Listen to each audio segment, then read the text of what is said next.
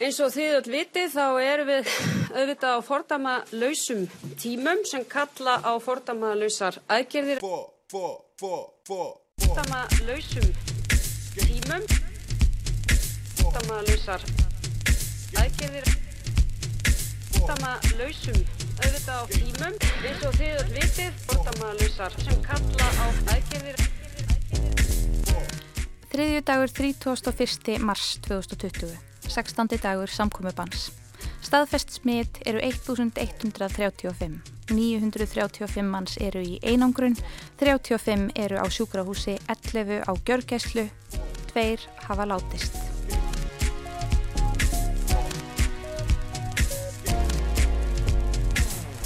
Hundrað nítju átta hefur batnað.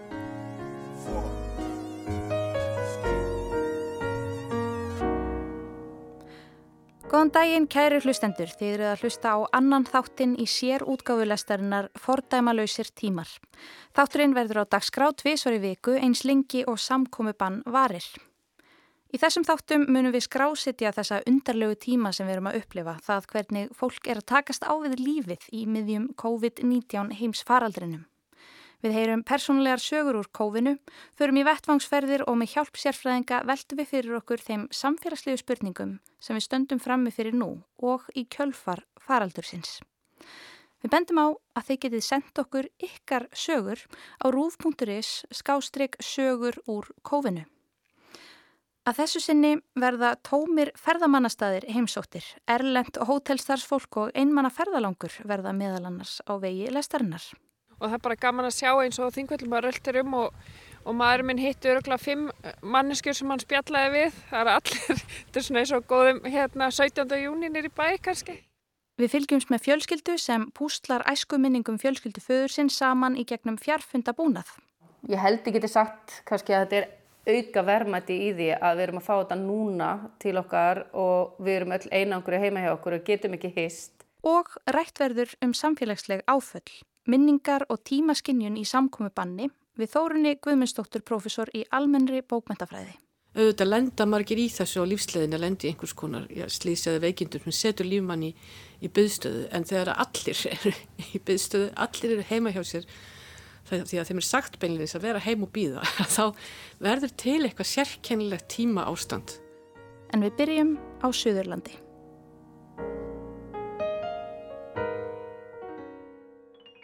Það er laugardagur og sólinn skín í fyrsta skipti í heila eilífð. Undir venjulegum kringumstæðum fænum við kannski í sund, kannski á kaffehús, en hvorugt er í bóði. Það má hins vegar enn fara í bíltúr. Við leggjum af stað, austur fyrir fjall. Og strax er bíltúrin orðin óvinnilegur, allavega miða við lífið í kófinu. Síðustu vikur hefur varðla sérst sála á ferli utan þeirra en nú er allt morandi í fólki hvar sem við förum. Það er svell snjóru og um 30 manns á rauðavatni. Að renna sér á sleða, byggja snjókall, rölda og spjalla. Hestamenn ríða í kringum vatnið. Fólk er í litlum fjölskyldu sellum tveir til fjórir saman en á milli hópana eru talsvert meira en tveir metrar. Við keirum áfram og sjáum að það er nokkur ströymur í bláfjöld. Littla kaffistofan er lokuð en bílastæðið er þjætt setið af útvistarfólki. Fyrla landhelgiskeslunar, TF Eir, flýgur yfir. Hún var að sækja vélsliðamann við gamla skíðaskálan í hverjartölu. Skiltið með klestu bílunum við borgarmörkin sað okkur að það væru tveir látnir í umferðin í ár. Jafnmarkir og eru látnir úr veirunni nú. Við reynum að hugsa ekki meir um það. Heiminin er blár, það glampar á snjóin Gufustrókarnir standa beint upp í loft.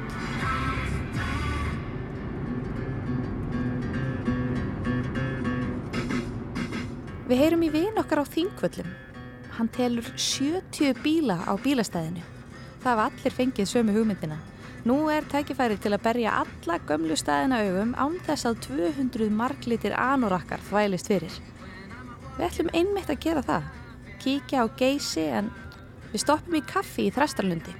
Þarfur utan er líka nóa bílum en inni situr bara eitt par að snæðingi. Afgræslu daman sprittar gummihanskana sína. Fólk leggur á stæðinu en röldir svo í skógin fyrir neðan, segir hún. Á skiltinu fyrir utan stendur Restaurant, Minimarket, Free Wi-Fi.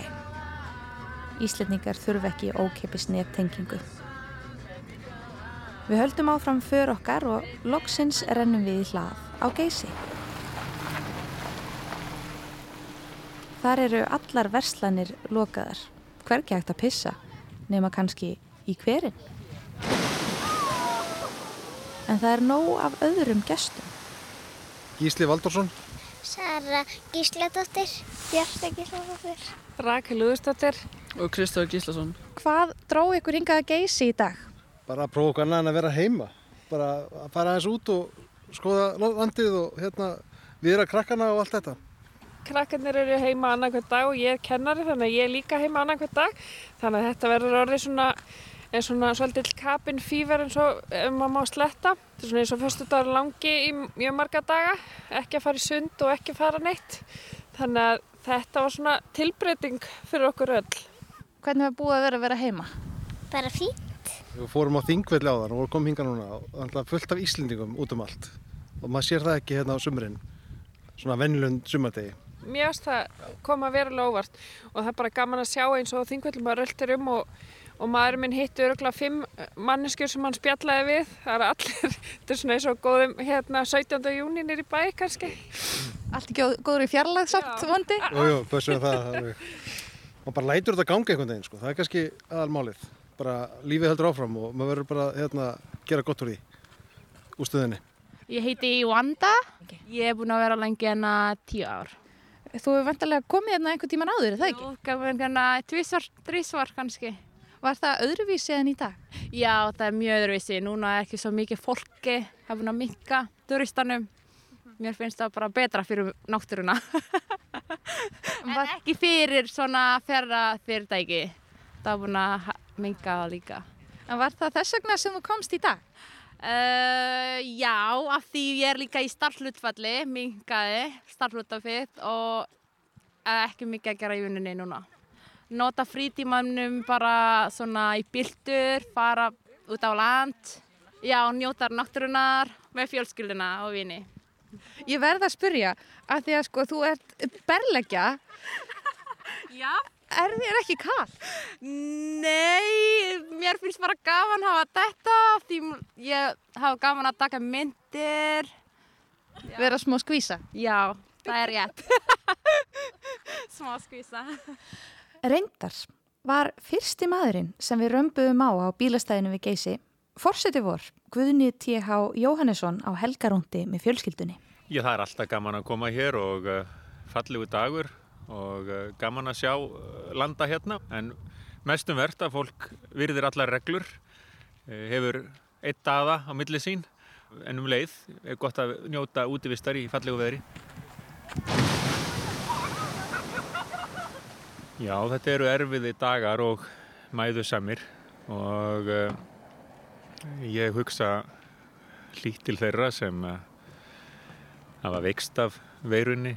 Ég hugsa hlýtt til þeirra sem eiga núnum sárt að binda og líka þeirra sem er í einangrun og sótkví. Og ég er stoltur af því að við sínum núna í verki þann einhug sem við búum yfir þegar á reynir. Og við höldum áfram á þeirri braut og uh, þá uh, mun okkur farnast eins vel og mögulegt er uh, í þessum remmingum sem við eigum við að þetta núna. Og svo byrtir til, það byrtir alltaf til. Það hversi, það rignir En það sittir alltaf upp og lignir Það hversi, það rignir En það sittir alltaf upp og lignir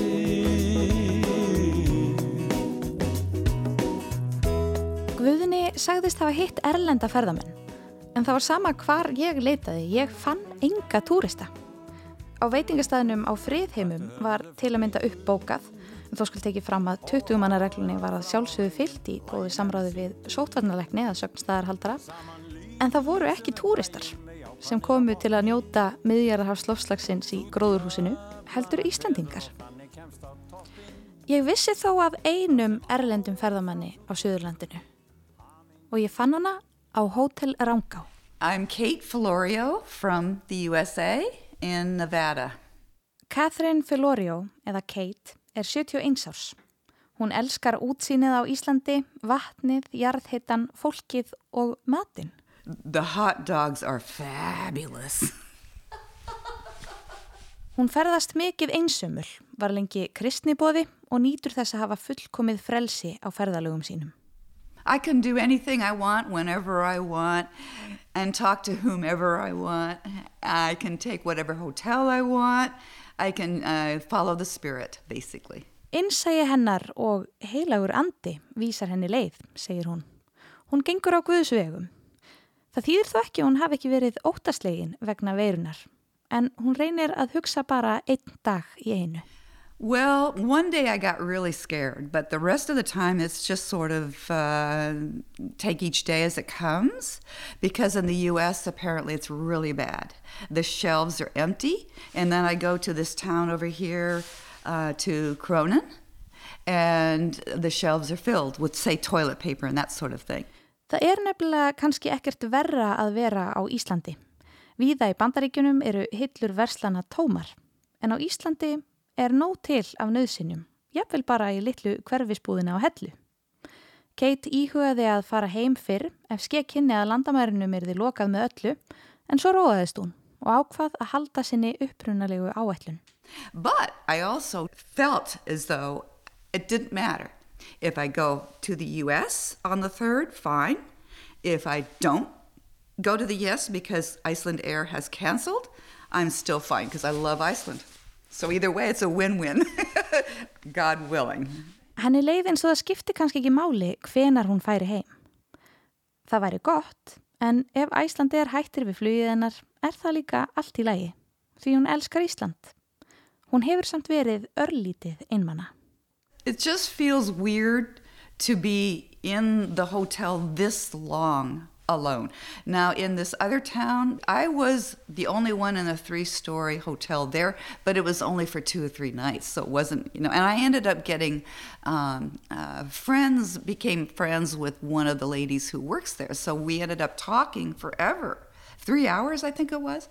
And so that was easy because it was short, and plus we ended up talking forever. But here I'm staying longer. And so being alone uh, in the entire hotel gets weird. It gets, it gets a little lonely and weird sometimes, but most of the time, eh, not so much. Kate hefur á köplum verið eini gesturinn á Hótel Rángá. Þegar hún gisti á Varmalandi vingaðist hún við staðarhaldarann og það hjálpaði með einsemdina. Að mestuleiti hefur hún þó notið þess að vera einn. Einn starfsmöður Hótel Rángár tók hana þó upp á arma sína og fór með hann á þingvelli þar sem þær gengu sér til hita. Johanna took me to Thingvellir. Þingvellir? Yes, Thingvellir. I can't pronounce, sorry. But anyway, so so I love the language, but pronouncing it, forget it. But at any rate, it was fabulous. We walked and we walked and we walked and we walked. And a friend of mine in London thought it was really cold when she saw the pictures. And I said, yes, but no, because you keep walking and walking and walking and walking. It's fat. I loved it. Just loved it. It was full. A lot of people were there. Kate hefur gefist mikill tími til að hugsa.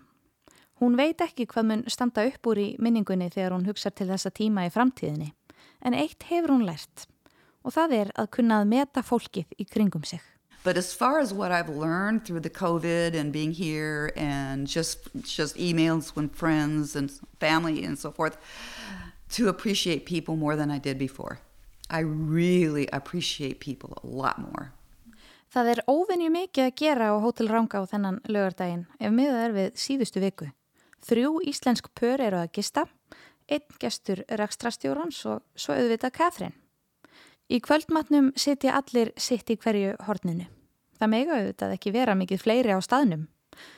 Rekstrastjórin er til staðar, einn starfsmæður er í móttöku, einn kokkur í eldhúsi og svo þjónar Kristjana, frá Rúmeníu til borðs og mannar barinn. I'm uh, uh, I work as the waiter and the bartender here. Christiana hefur unnið á Hotel Rangá í sex mánuði. Hún sá ástandið eðlilega ekki fyrir en telur sig örugari hér en í Rúmeníu. I was uh, talking uh, with people from Romania and uh, to be honest it's better that I'm here because here the people are more isolated so it's much safer and uh, also uh, for example Romania is kind of a poor country and no one knows what will happen and what are the repercussions of this but uh, here i'm talking with people and they say that they uh, totally trust the government and they feel safe like uh, they have a big parent who takes care of them so uh, i think it's all for the best Hér er meira öryggi, segir hún. Fólk er einangraðara.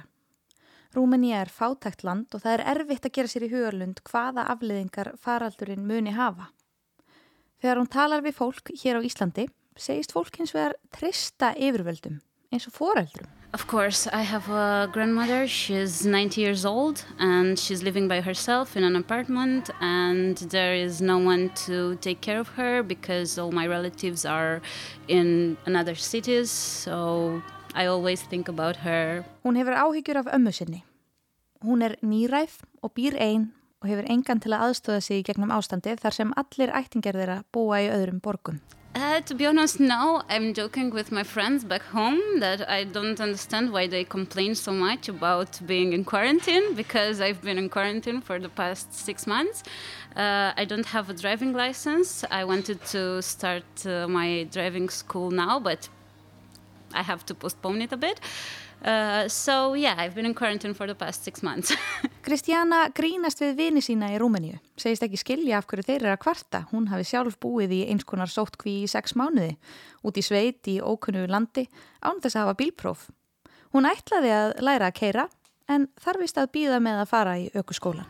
On the bright side of things, I have a lot of time for things I always wanted to try. For example, I'm starting starting to learn photography and I take online courses and I have time to practice my lessons and everything so see the bright side. Kristjana vinnur minna en áður. Sama gildir um flesta aðra starfsmenn hótelsins en engum hefur verið sagt upp.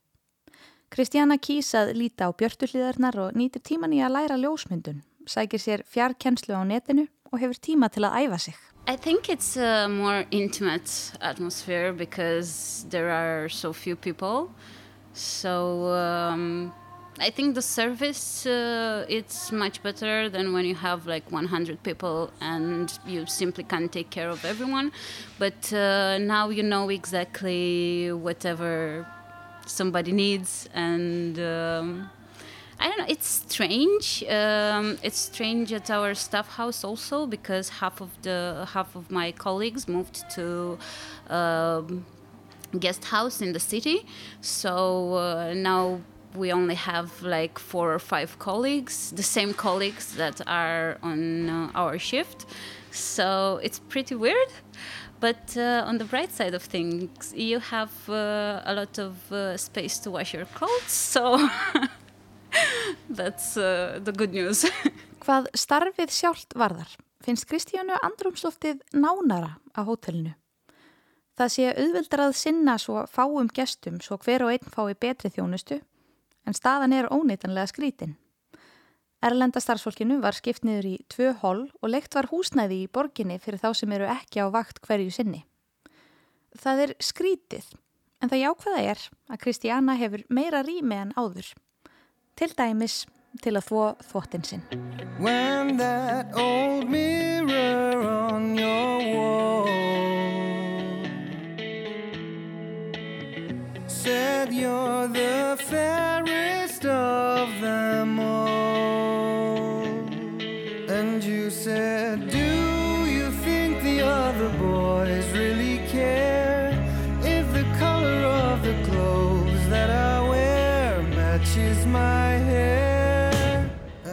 said,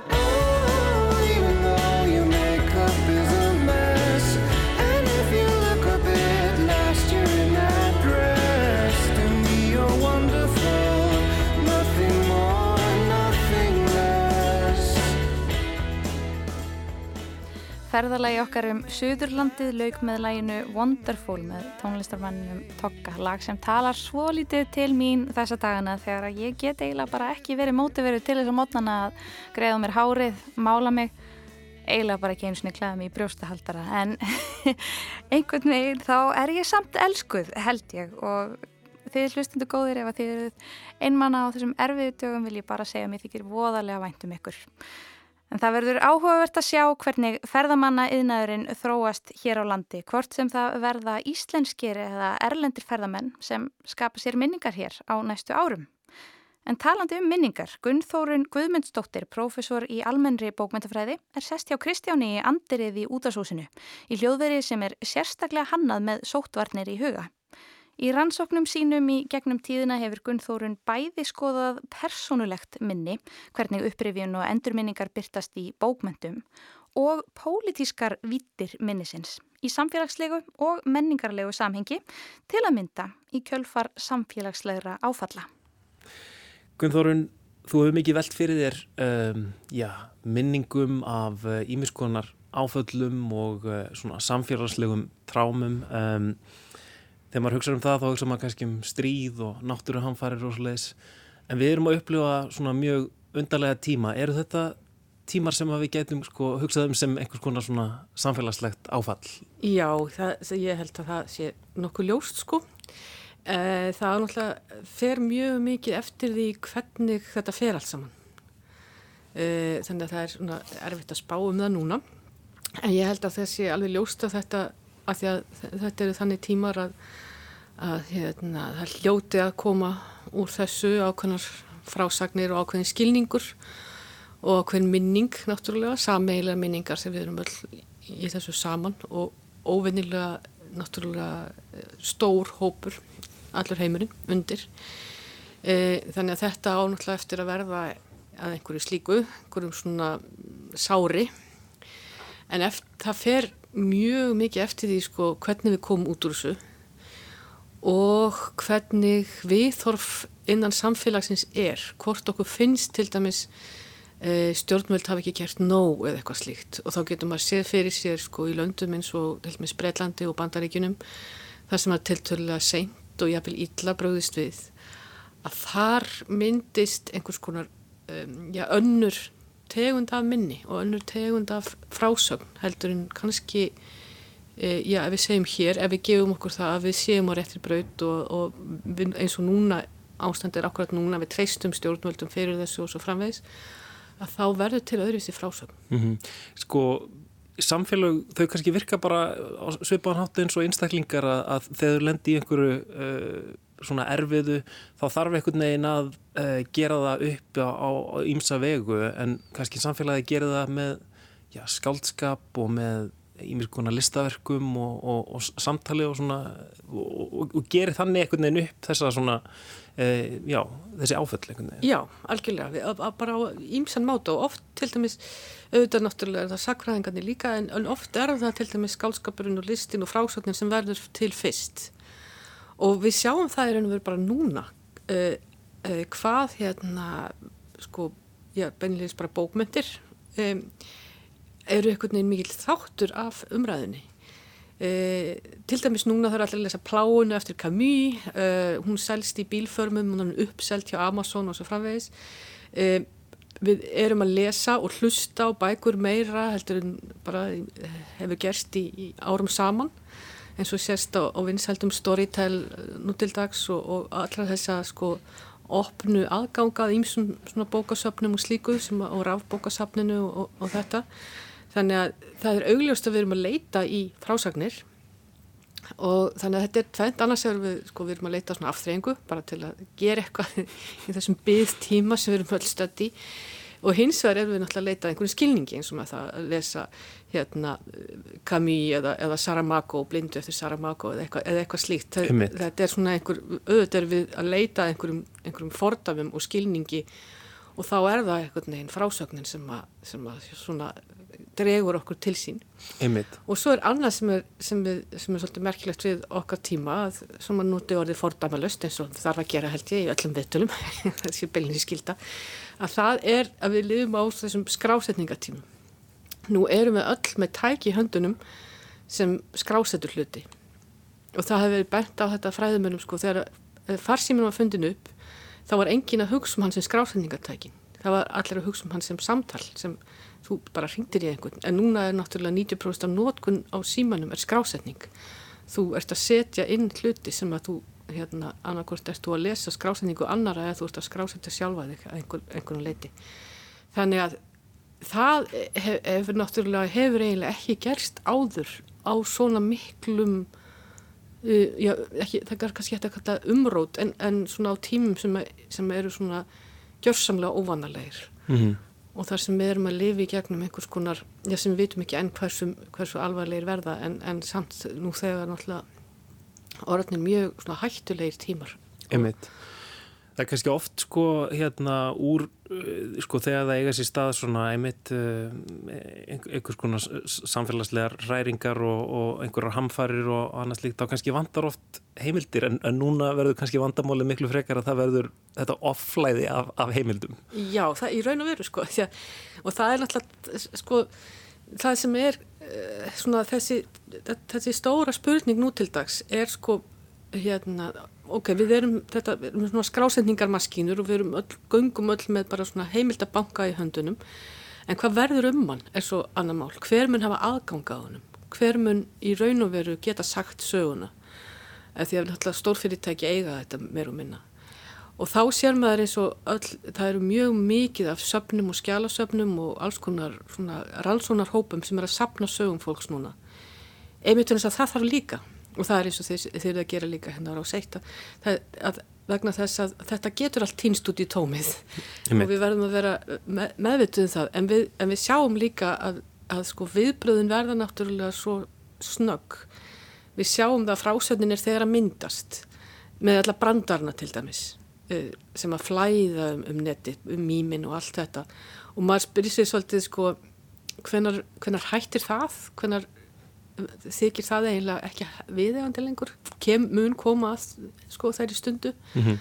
sem er svolítið aðtilsvægt en, það, þetta er eina af, ein, ein af þessum frásögnum sem er í gangi núna það er, þess, það er bara að, það, þú veist, allt þetta grín og grín að gríni og svo framveg þú veist, þetta Einmitt. veldur svona um endalust og svo náttúrulega eru allir þeir sem að, hérna, eru veikir og eru að, er að dokumentera það og, og segja frá því jafnóðum og, og, og sem náttúrulega líka er er eitthvað mikilvægt og allir fylgjast með en þetta, þetta getur snert okkur öll. Og það er það sem er svo óveinulegt við þessa krísu að það er engin undanskilin. Það er engin sem getur bara hérna sagt nei þetta kemur mér ekki við. Einmitt.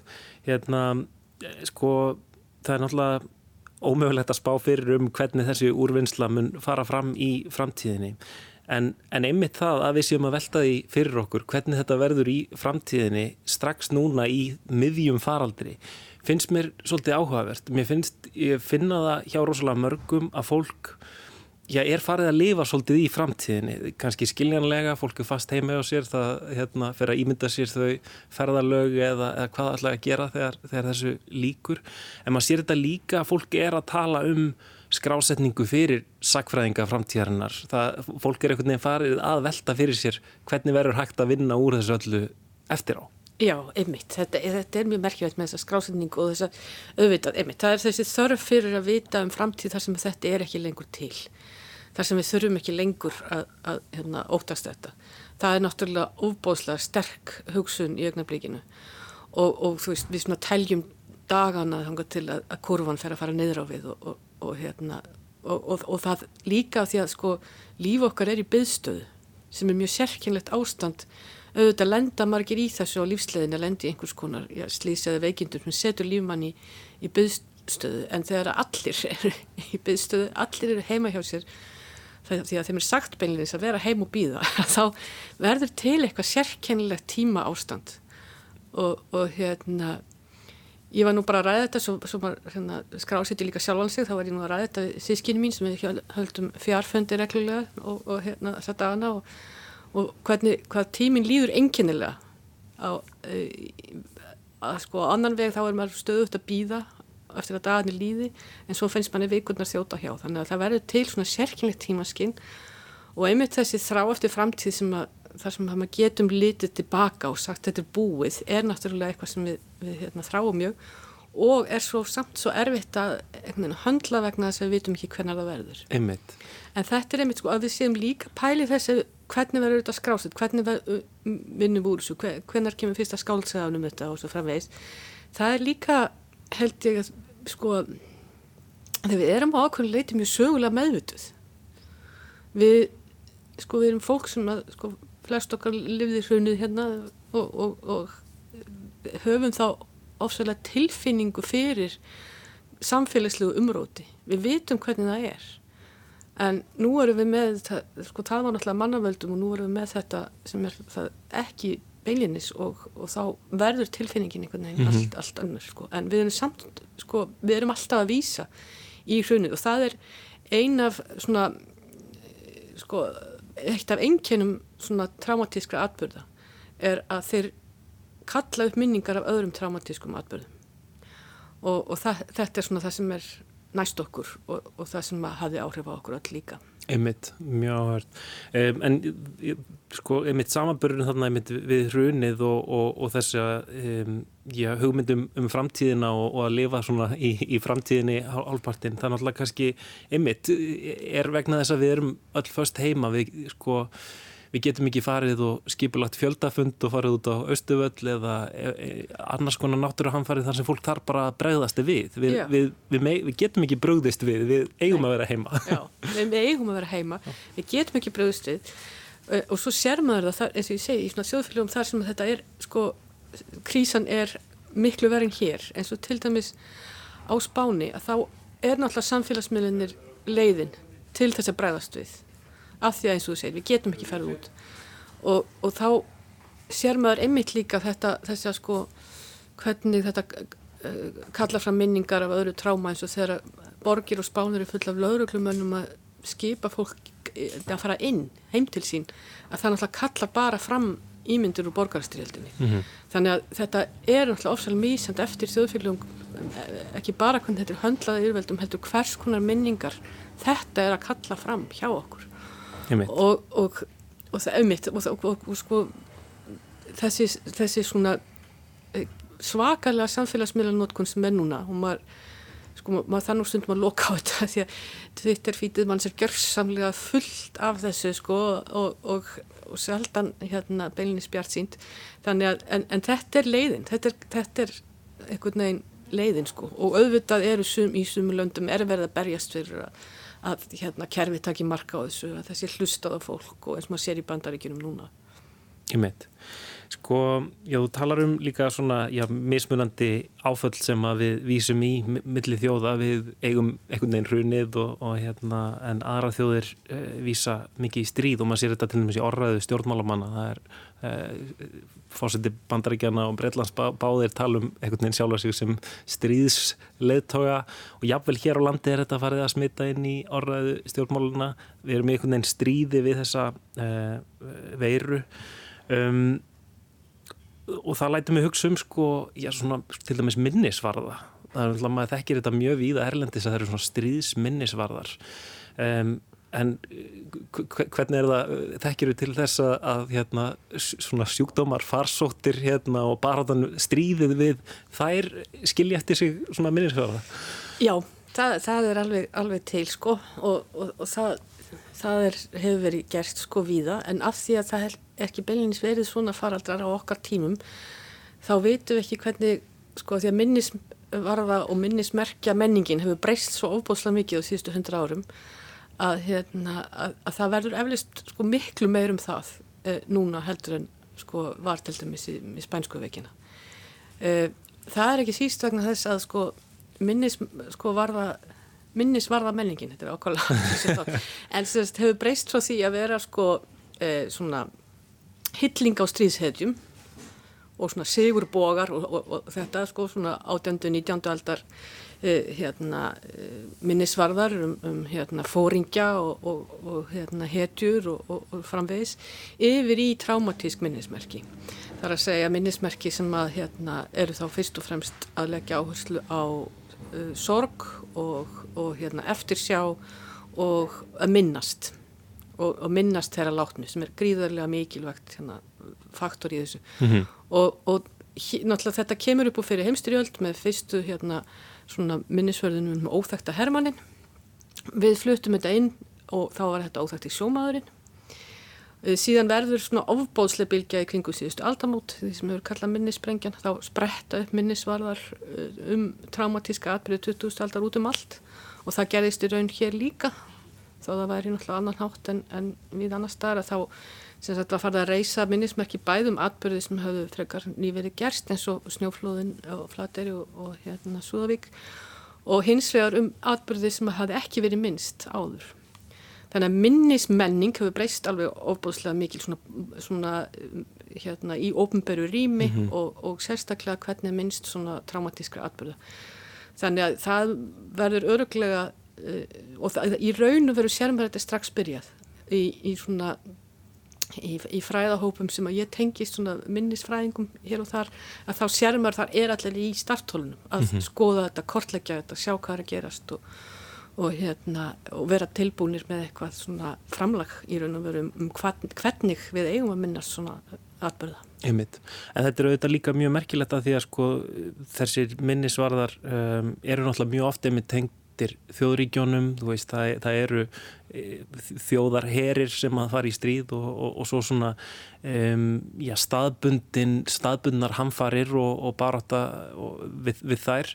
Um, en núna er við einhvern veginn það er allt mannkynnið að glýma við það sama sem að kannski það geti komið eitthvað áhagast úr því Já, emitt, það, emitt, maður mað hefði haldið það en svo sér maður samt sko verið að fara hún í þjóðurnislega skotgrafi líka rétt eins og þegar, þegar, þegar ríki byrja að loka landamærum sínum að þá er þá mjög oft uh, sko retorikin í kringum það er mjög svona nationalistík og það sem maður er hrættur um að er að það gleymist að við erum að þetta er allir heimurinn og ekki síst að maður hrættur um það í sambandi við þarna e, Afríku og, og hérna fátaglöndum ég held að þá gleymist mjög fljótt að við, þetta snertur okkur öll mm -hmm.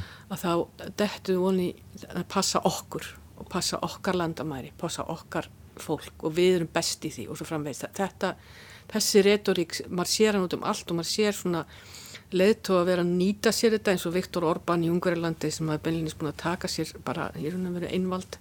Og, og, og þú veist, það, það er margt sem er mjög svona óhugulegt á þessum jæðri mm -hmm og, og, og það er svona getur maður alveg séð fyrir sem maður sér líka hvernig Trump er þegar fann að endur skrifa söguna segist hafa alltaf vita þetta og segist hafa alltaf vara við þessu og, og svo framveist þannig að maður, þetta er svona það er dóttið hann í þessar grifjur eiginlega ótrúlega rætt finnst mér. Einmitt. Mjög merkilegt um, Gunnþórun Guðmundsdóttir professor í bókmyndafræði Háskóla Íslands. Takk hérlega fyrir komuna í lestina. Takk fyrir mig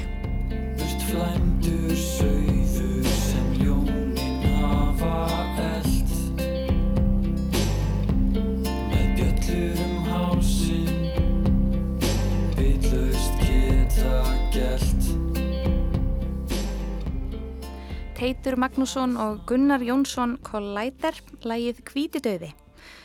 En þá að sögu af því hvernig ein fjölskylda deilir minningum og býr til nýjar á tímum kófsins. Ég heiti Harpa, Rutt Hilmarsdóttir.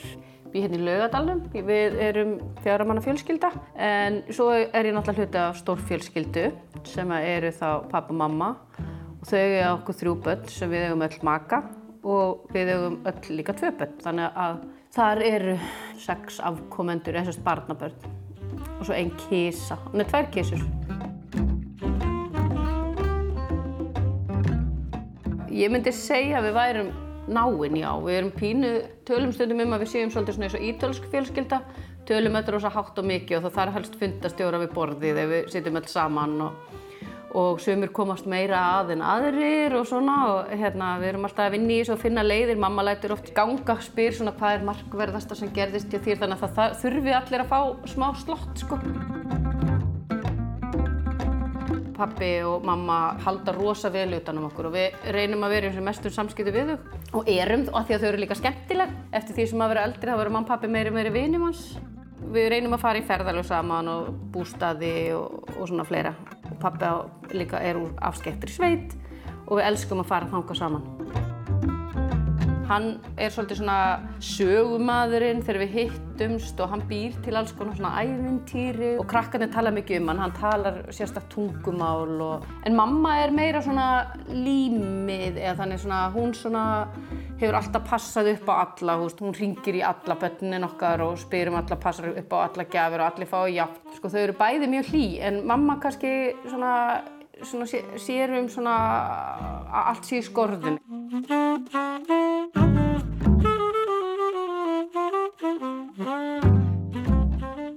Þau fara til Kanari alltaf einu svona ári í svona þrjár viku til mánuð og þá hefur pappi alltaf, sagt, hann búið sér til þá hefð að hann sendir okkur Kanari fréttir. Hann teiknar hann okkur mynd, annarkost af Kanari eða af ykkur úr sveitinans eða eitthvað þess að þar. Og þessar Kanari fréttir hafa oftast nær verið sko fréttir af ferðinni þeirra á Kanari. Þú veist, hérna, göngutúrunum og allt sem þau eru að gera yfir daginn pappi allavega skrifar þetta þá að mamma er örgulega hlut í sögunni en að þessi sinni núni í ár því að pappi er að vera áttræður og þá breytta hann aðeins um gýr og ákvaða að senda okkur frekar æskuminningar sínas og fekk þessa snildar hugmynd að senda sko hverju einu okkar barnana sinna einn kapla af æskuminningunum og hann sendi þess að sýstu minni fyrsta kapla, hún er elst og mér annan kapla og bróðu minni þriða kapla og margmi hjá pappa er að láta okkur tala saman og lesa fyrir hvort annað. Á Kanari sko í februar, byrjun februar eða eitthvað, að þá kannski heldur hann að við séum að fara að hittast að lesa þetta. Það var svolítið svona stóramælis ár framönda hjá okkur við, og bróðum minn byrju Svíþjóð, þannig við heldum kannski að við værum að fara að hittast. en út af þessu, að það ákvaða við og af því að við erum öll heima hjá okkur núna þessa dagana, þá hérna var bara frábært tækifæri ymmið til þess að hittast á netinu í ykkur svona fjarfundabúnaði og lesa fyrir hvort annað. Og mamma og pappa voru heimi á sér í Garðabænum, sýsti mín í Hafnafyrðinum, ég hérna í Laugadalunum, í Reykjavík og svo bróðu mín í Sollentúna í Stokkólmi í Svíþjóð. Og þetta var bara dásamli stund sko. Sýsti mín byrjaði fyrsta kabla og las fyrir okkur hinn og þetta eru er æsku minningar frá pappa frá því að hann fæðist sem var svona mjög dramatísk fæðing úr 1940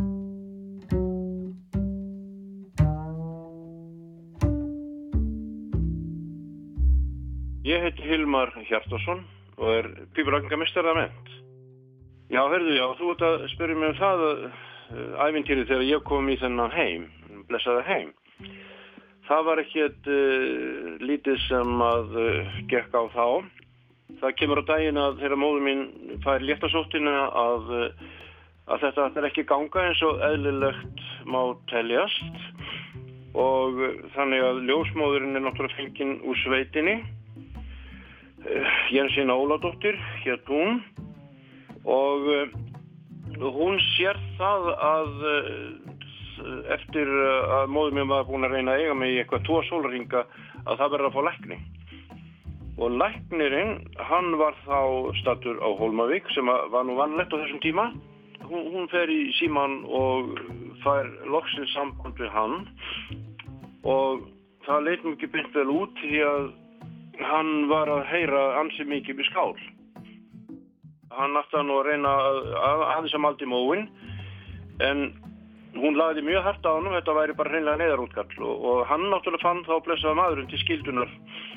Það er sett allt á fulla ferð að, að reyna að koma hann á norður og það er farið með fyrst með hann bát frá Hólmavík norður yfir, yfir hérna Stenglisfjörð að bæ sem heitir Sandnes og þar tekur bondi við honum og hann er fenginn til að fylgja leknunum allarleið norður í Arnsrepp og uh, hann reknaði nú með því að hann gæti notfært sér það að, að nota skýði, hann vildi að leknunum væri á skýðum líka, færði það bara með honum á skýðum en hann var mjög óvanur að vera á skýðum og eftir ekki langa göngu að þá dettur hann á skýðunum og hann ökkrabrytur sig. Og eins og ég sagði áðan þá var hann heldur mikið við skál líka þar að ekki en þeir eru nú að halda áfram og halda áfram eins og hægt er en, en lagnirinn er að gefast upp og hann vil bara leggjast fyrir. Þessi blessaði bondi kraftmikli og sterkki bondi að hann hann tók það ekki mál og reyndalegum að kvíla sig sem allra allra mest. En þegar að hann sá að tími var, var ekki að býða endalust þá bara raka hann á fætur. Og þetta gekk svona allavega tví eða þrýganga hann alltaf að gefast upp. Svo það hafi verið sendur leðangur á móti læknum frá Djúbavík en einhverjum af vegna þá fest leðangurinn, uh, sá leðangur á mis við bæði lækninu og bondan. En hann kemur hann loksins eftir illa leik í að Djúbavík. Þar færi læknirinn að sofa, svolítið stund, er svo reygin og fætur aftur og þá, þá beigð uh, eftir hann bátur og þá fari með hann yfir Reykjafjörð að bæ sem heitir Nöstvík og þar var búið að skipulegja að, að þar byði eftir honum átt að hraustustu bændunir í Árnuseppi að taka mót honum sko. Hann fekk nú reyndan að sofa auðvitað í, í, í Nöstvík líka en svo tóku bændunir hann og sett hann á sleðan og dróðu hann yfir Nöstvíkuskörð og þaðan komur hann niður í Tryggilsvík og þar var hann, hann var eiginlega alveg hreint að vera búin á því sko. Svo tók hann ekki betra við því að það var engin vegur fyrir svo kallara urðir sem liggja inn, inn með norðufyrði Þannig að bændurnir þessir sterku menn þeir eruðu að bera sleðan á höndum sér, einhverja langa fjöru, stór gríta fjöru. Svo þegar hann loks kemur að steinstóni, þá var liðin sólaringur í viðbót sko, því að þetta tók eitthvað um einn og halva sólaring að koma um hann á norður. Þá var það hans fyrsta verka það var að, að fá að soða, hann var, var að leggja sér sko. Það var látið eftir honum að vera eitthvað tíma þarna til að ná sér en þá fannst móðu minni að það, þetta gæti ekki beðið lengur hann er að fara að gera eitthvað.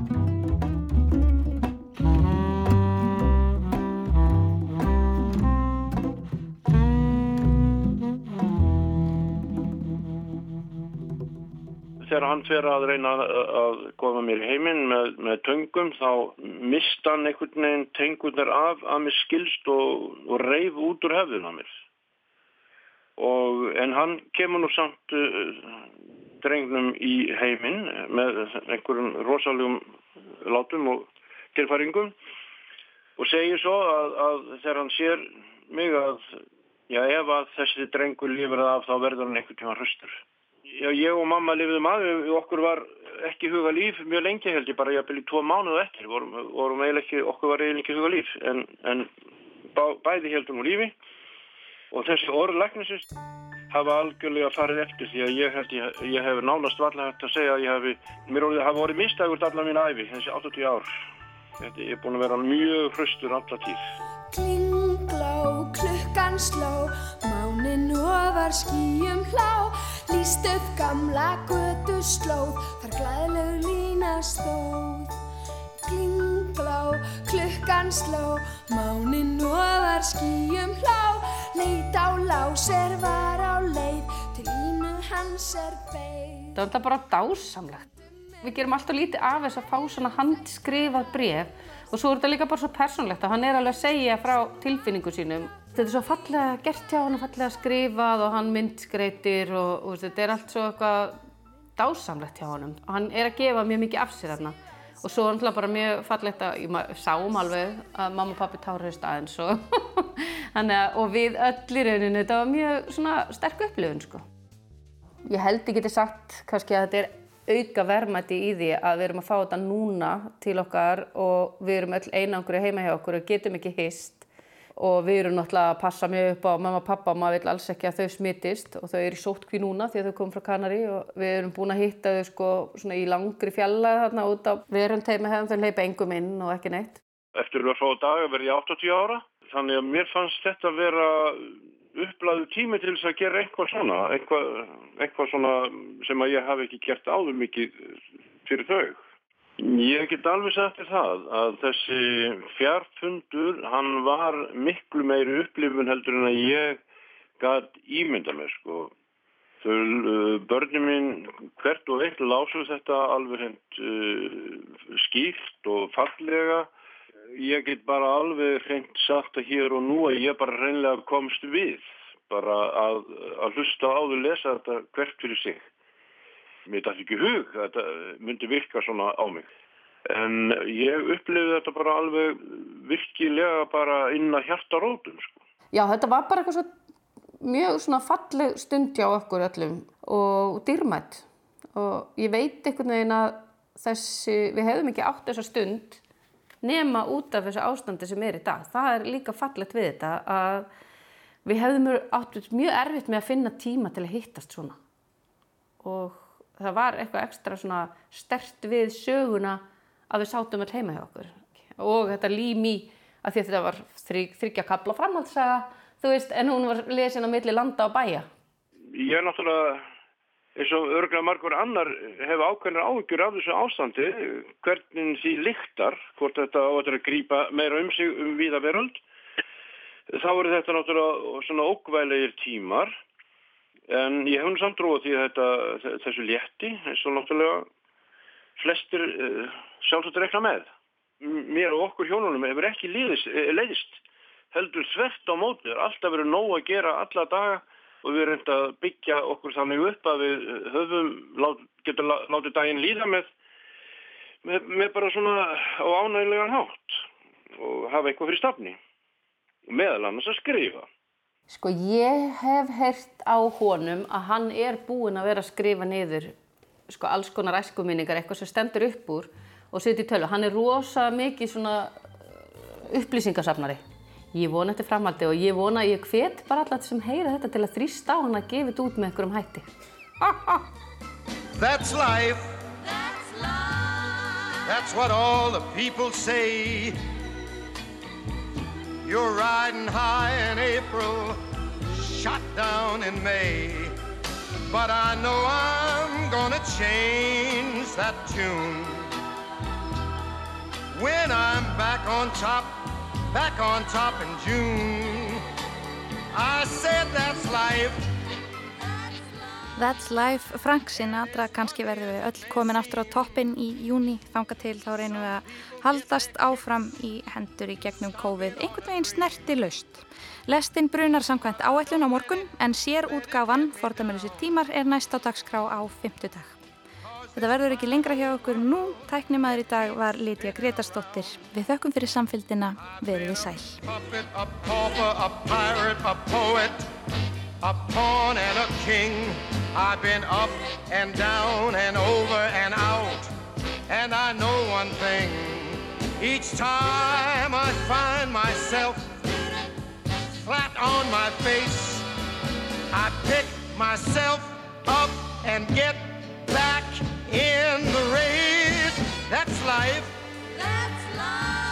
tell you, I can't deny it.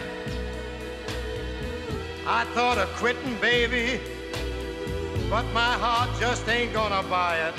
And if I didn't think it was worth one single try, I'd jump right on a big bird and then I'd fly.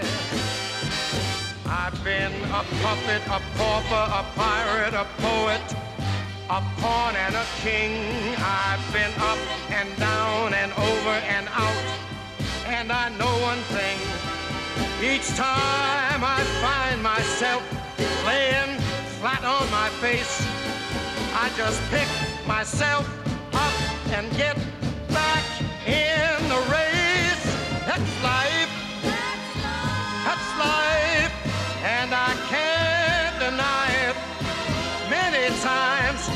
thought of cutting out, but my heart won't buy it. But if there's nothing shaking come this here July, I'm gonna roll myself up in a big ball. And